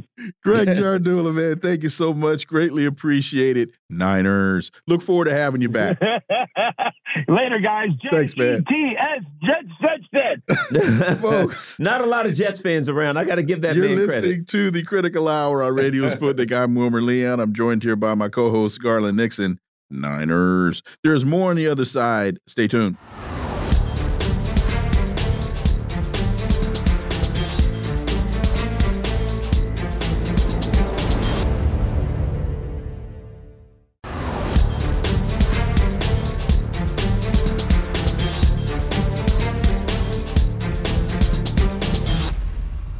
We are back, and you're listening to the Critical Hour on Radio Sputnik. I'm Wilmer Leon, joined here by my co host, Garland Nixon. Thank you, Wilmer.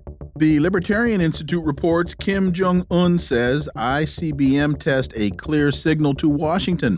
North Korea has tested an ICBM amid escalating tensions on the Korean Peninsula.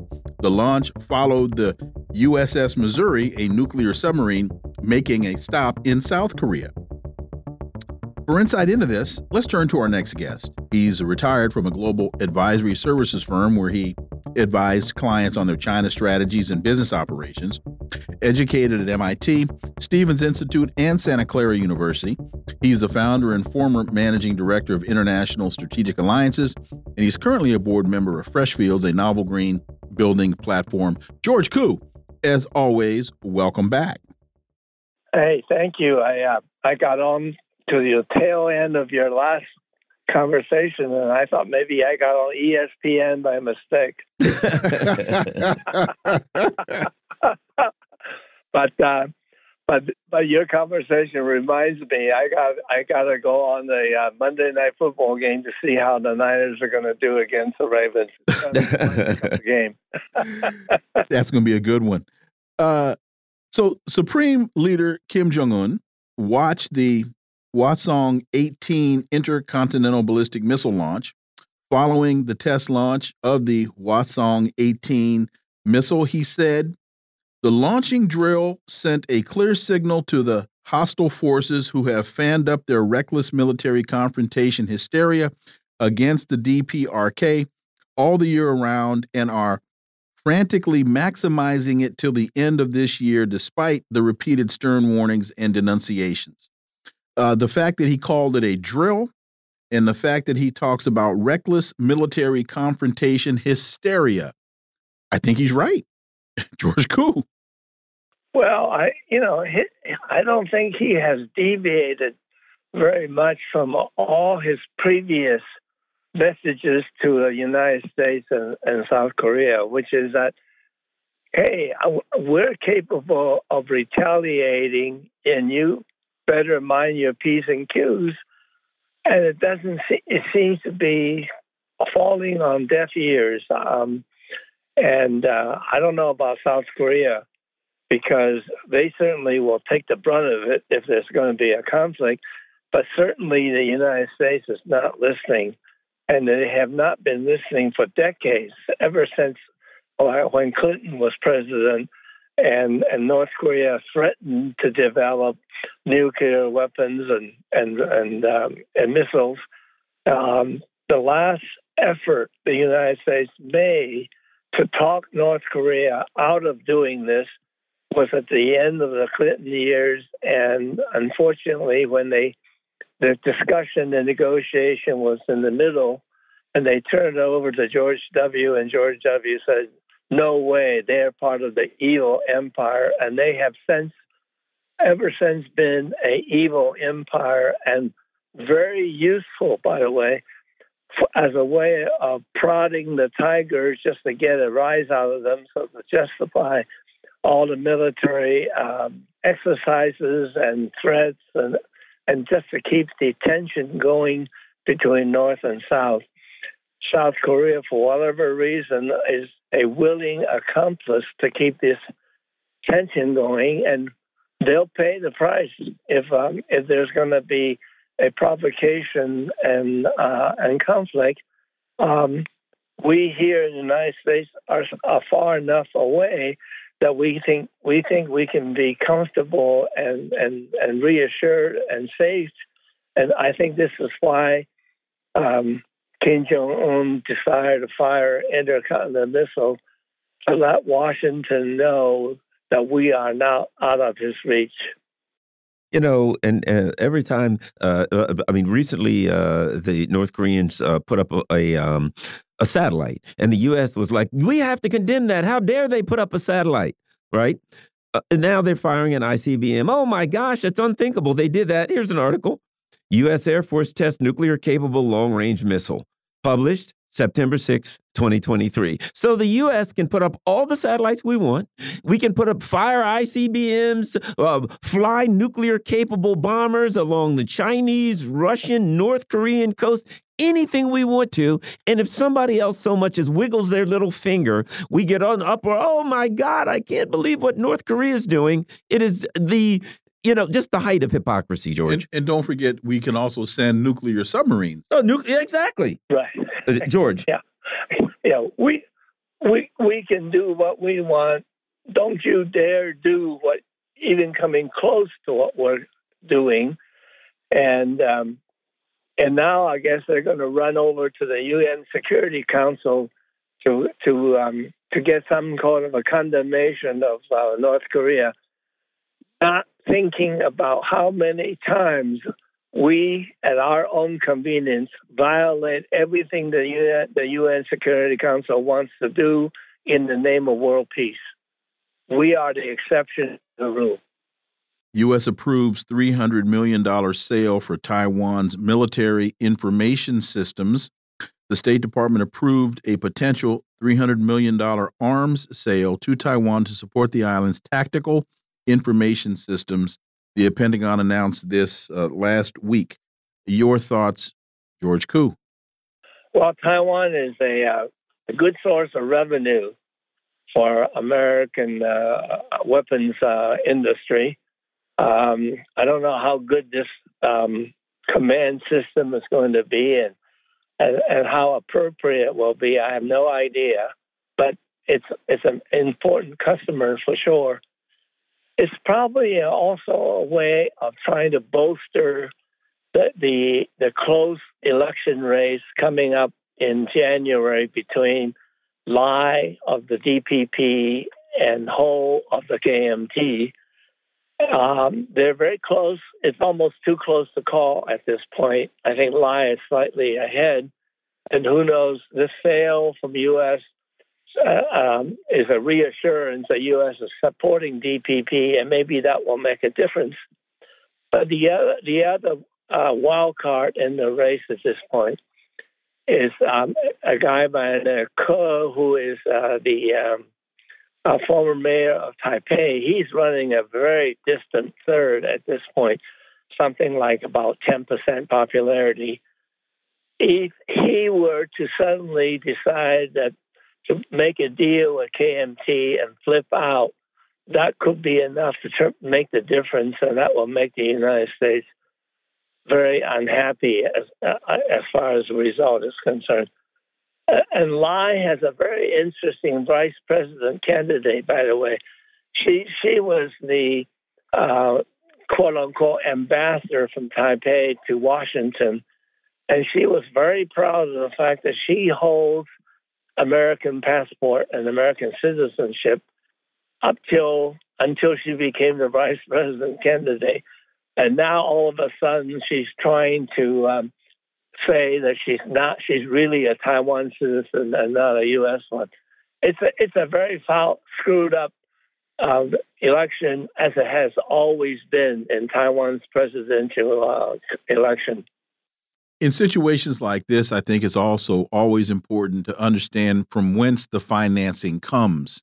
And the last sentence of this article says this year, the U.S. has increased military support for Taiwan by providing military aid funded by the U.S. government for the first time since 79. Well, if this system is being bought with U.S. aid, then this is really just a money laundering scheme because it's American taxpayer dollars that are providing this funding, and then they're using this funding to buy the computer the, and and weaponry from the United States. So it's just a transfer of our tax dollars from the U.S. Treasury over to whoever it is that's making the systems, whether it's uh, Lockheed Martin or whoever it's going to be. Right. It, it's it's a it's ostensibly a freebie to Taiwan, uh, just like all the freebies we've, been giving to Ukraine, the freebies we're giving to Israel, and and now of course we have another hotspot, which is the um, from Yemen that's interfering with the Suez Canal traffic. Um, that will be something else the United States will have to deal with. So I would say Washington has its hands full at this point. If Sputnik uh, reports Vietnam plays an outsized role in U.S. China rivalry, both the U.S. and China have a complex history with Vietnam that colors relations with the East Asian country to this day. It seems to me that uh, Vietnam is, I would say, wisely chosen to ally with China. But your thoughts on that, George? Well, you know, um, Vietnam has to be nice to the United States because without the Biden's decoupling um, decoupling issue, Vietnam wouldn't be such a successful um, export country with such a great um, difference uh, trade trade imbalance with the United States. And and you think about it, the reason is because it was um, the um, because of decoupling, many many of the American uh, the Chinese supply chain has moved to Vietnam to supply the Vietnam's manufacturers in order to sell to the United States. So, what the decoupling has done is made Vietnam rich, has made the supply chain add an extra stop to the supply chain, which makes it more costly and less efficient. And just to show you the difference in the way Vietnam treats um, China and uh, Biden, Xi Jinping was visiting Vietnam shortly after Biden visited Vietnam, and he was he was accorded with 21 gun salute in honor of the relationship between Vietnam and China. And far, so far as I know, when Biden got there, got to Vietnam, he didn't get even one gun salute. Maybe some kids fire off a pop a pop gun uh, pop gun uh, uh, in honor of Vietnam, in, in honor of Biden, but that was about the size of it. And just really quickly, because the other comparison you can make is when Tony Blinken went to Saudi Arabia and uh, the prince made uh, made Tony Blinken wait overnight before he got the audience. And when President Putin went, the king met him, from what I understand, on the tarmac and uh, Joe Biden is getting a hard time getting a, a, phone call returned. We got 30 seconds, George. Yeah, well, yeah, the, when the prince greeted Tony Blinken in his slippers, um, didn't even bother to put on a pair of shoes. that kind of tells you the the disdain Saudi Arabia has with the U.S. and the fact that the petrodollar doesn't count much for anymore and will count less and less as Saudi Arabia make their deals with China and India and elsewhere. So the American public doesn't get it, but we are on the decline, and we're on a decline that's very significant and very fast. George Koo, as always, thank you so much for your time. Greatly, greatly appreciate that analysis, and we look forward to having you back. Thank you very much, gentlemen. Nice to be with you. Folks, you're listening to the Critical Hour on Radio Sputnik. I'm Wilmer Leon. I'm joined here by my co host, Garland Nixon. There's more on the other side. Stay tuned.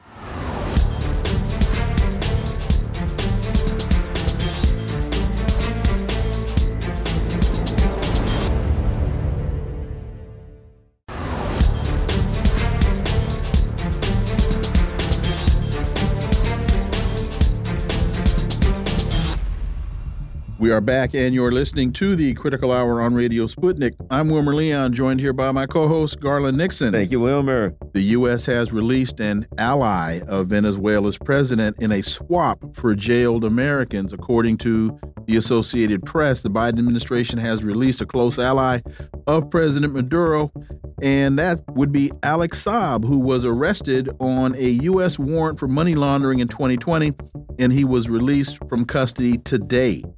For insight into this, let's turn to our next guest. She's the co editor of Popular Resistance, Dr. Margaret Flowers. As always, Margaret, welcome back. Well, thank you for having me. It's great to be with you both. So, in exchange for Maduro, they, uh, I'm sorry, in exchange for Alex Saab, Maduro will free some, if not all, of the roughly dozen U.S. citizens who remain imprisoned in Venezuela. And I'm wondering, Margaret, if any of the Americans that are being released from Venezuela are some of those fellows who were captured in the Bay of Piglets attempt, uh, what, about a year and a half ago or so?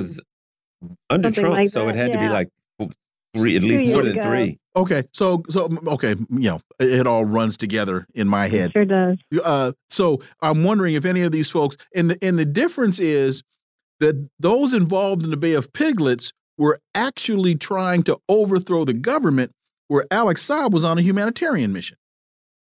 Exactly. I mean, there's a number of points that we should make. And I think the first one, you're quoting the AP article, which is a terrible article in terms of the content mm-hmm. uh, that portrays Alex Saab as a quote unquote ally of President Maduro. Alex Saab is a diplomatic envoy from Venezuela. Okay, what do we call Tony Blinken an ally of Joe Biden or, you know, whatever? But anyway, um, he was on a diplomatic mission to purchase food and medicine from Iran in June of 2020, shortly after the pandemic, because the U.S. is imposed an economic blockade on Venezuela that's made it very difficult for them to get the supplies that they need. He was detained illegally by the United States in Cabo Verde, and then after being there for a year and mistreated in, in very poor conditions where he was detained and he has cancer, people should know, um, he was not receiving adequate medical treatment. He was then kidnapped. His own lawyers in Africa were not told that he was being taken to the United States. The U.S. simply went, took him, brought him to Florida, and he's been held there for a few years. The thing is, he has not, one, he's a diplomat, so he should have diplomatic immunity, but two, he has not committed any crimes. If you look at who's being held from the U.S. and Venezuela, these are people like the ones you mentioned. Two of the folks who were from Operation Gideon, where they actually tried to come into Venezuela to remove remove President Maduro from power, um, and they were caught. And so, of course, they were they were held because of that. Um, so, some big differences here that are not really being talked about in the corporate media. And it, it, it, looks to me like, uh, uh, you know, the U.S. is in a deep and serious trouble. You've got um, the issues in Yemen, and the, uh, the it certainly it appears that there's uh, some problems with the global oil supply. And it seems like, you know, uh, I don't think it's an accident that the Red Sea starts to close down, the oil starts to get clogged up, and all of a sudden the Biden administration decides they want to make deals with uh, with with Venezuela. Well, Venezuela has um, very large oil and gas reserves in the country. And prior to the Bolivarian Revolution, there were a lot of private corporations down there who were extracting that, making huge profits off it, while they had a very high poverty rate in the you know more than 70% of the people in Venezuela were living in poverty. Um, you know, the, the, the Bolivarian Revolution has been able to turn that around somewhat, although the U.S. has been punishing Venezuela ever since for having the audacity to use their resources to help their people but yeah, I think you're exactly right. The U.S. is kind of in a position now where it's like, oops, uh, we actually need Venezuela. so uh, they are starting to make some concessions. Can you see the concessions expanding as it relates to sanctions? And because uh, one of the things, as the the Biden administration has so-called been trying to negotiate with Venezuela, the sanctions are such huge issues that uh, can you see that as things continue to deteriorate in the Red Sea, that actually relieving Venezuela of sanctions is on the table? You know, it would be so wonderful if that happened. Um, people should understand the impact that these economic measures, which are illegal under international law, have had on Venezuela. In just a, a one year period, the Center for Economic and Policy and Research looked at it and found that the uh, the sanctions on Venezuela contributed to the deaths of tens of thousands of people there. So this is something that the president could do. He could end them right away. I think from the reporting that I'm seeing, what's the signal we're seeing out of the administration is that they may uh, loosen up some of them, but they have no intention of, of you know fully releasing that blockade. I think the U.S. still thinks that it can, uh, you know, stop the Bolivarian Revolution, that they can get Maduro out of power, put in a U.S. puppet, and then get access to all those resources. Venezuela also has large uh, gold reserves and important minerals. Um, and I think the U.S. is still deluding itself that it can uh, use these sanctions to weaken the country enough that we can, you know, then regain control of it. Popular Resistance reports false transitions and global stock takes the failure of COP28. COP28, which featured 97,000 participants, including the weighty presence of 2,456 fossil fuel lob lobbyists, was even more of a shambles than its pre predecessor. This is from popularresistance.org. Your thoughts, Margaret? Yeah, I mean, I don't think anybody is really expecting much to come out of the COP meetings anymore. This is the United Nations. Um, framework on climate change convention and, and uh, the meetings that are held every year that are supposed to be coming up with solutions to the climate crisis, but instead they've become this huge venue for big agriculture, big oil and gas, big nuclear uh, to come in there. And also now NATO and the military industrial complex are getting in on this. And, and instead of like sitting down and being like, okay, this is a crisis that we're facing, it's here. We know what the science is we know what we need to be doing. They're making sure that those things that we need to be doing are not in the you know the final statements that come out of COP, and that instead the language that they want to see, you know, uh, putting more money into big ag, you know, making sure that that fossil fuels can continue to be used. There's a lot of talk about what we call false solutions, which are these uh, unproven methods of trying to deal with the climate crisis when we already know, uh, you know, what needs to be done. So uh, not surprising that this was a disappointment. Again, not surprising that the number of lobbyists that were there uh, is much more than there were in previous years. I think it's pointing to the fact that uh, the action is going to have to come from the people. We can't really expect big things from the COP meetings anymore. And Popular Resistance has another piece. The 13th Amendment legalizes slavery. Many states have their own version. And quickly, the 13th Amendment reads as follows Neither slavery nor involuntary servitude, except as a punishment for crime, whereof the party shall have been duly convicted, shall exist within the United States or any place subject to the jurisdiction. Uh, so it's it's the point of um, except as punishment for a crime, Margaret, that makes this issue uh, what it is. Right.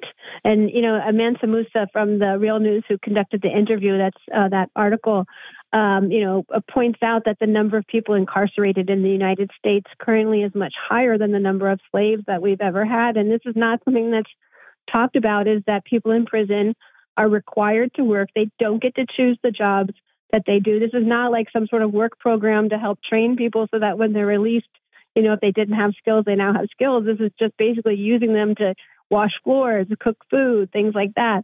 And they're paid extremely low wages. We're, we're talking pennies an hour. Uh, and then you have these commissaries in the in the prisons where they can buy supplies, and the prices there are elevated.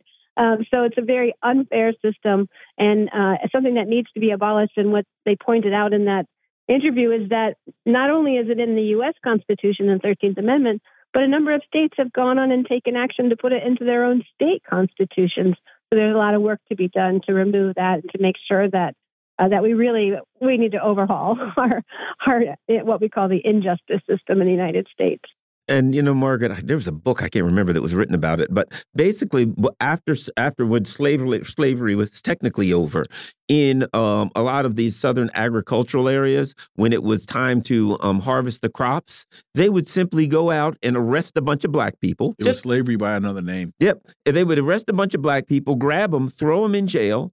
The local sheriff and the local jailer would rent them out. They would get rich, the farmers, and it was just common practice to just arrest general black folks and use them so that they could use, um, uh, you know, slavery utilizing the 13th Amendment. U.S. Steel was one of the major uh, corporations in this country that made millions off of that.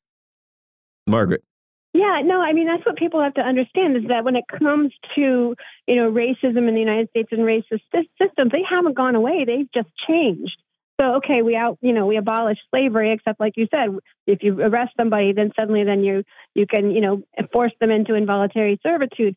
We've done things like excluding people from communities through covenants in the in the United States, redlining, so that people, you know, literally couldn't, black people could not buy houses. Uh, there are there's a whole um, practice. It's called the Southern Strategy of the federal government whenever it has. Uh, you know, laws that would relate to protecting work, you know, workers' rights and things like that, that they put it into the states and allow the states to, to determine those so that there can be, you know, differences. And you find the southern states that tend to be much more uh, racist and, and repressive uh, in these types of policies. So things have things have just changed the way that they that they go about doing them. But overall, uh, we're continuing to see, you know, great inequality, great disparities, great injustice in the U.S. And there was a time in this country up until around the mid to late 1970s when we had a rehabilitation model in the um, uh, in the prison system. You could go in illiterate. You could go in without a useful uh, skill or trade and come out having been trained. But we went from a rehabilitation model to a strict incarceration model under the pretext of getting tough on crime. And the profits related to prison industries went through the roof. We got 20 seconds, Margaret. Yeah, no, the privatization of the prison industry has so many ramifications, including the fact that they have contracts stipulating that they need to have certain, you know, occupancy rates. So what does that do to the to the justice or the injustice system uh, in terms of making sure that we keep enough people in the prisons to satisfy the profits, um, and then the human rights abuses that are occurring in the prisons in the United States. These are all things that need to be exposed and changed. In fact, that's what I wrote my dissertation on. Dr. Margaret Flowers, thank you so much for your time. Greatly appreciate it. Look forward to having you back. Thank you. Folks, you've been listening to the Critical Hour here on Radio Sputnik. Thank you for allowing our voices into your space on behalf of myself and my co host, Garland Nixon. We hope you were informed and enlightened, and we look forward to talking with you all right here tomorrow on Radio Sputnik. Be safe. Peace and blessings. We're out.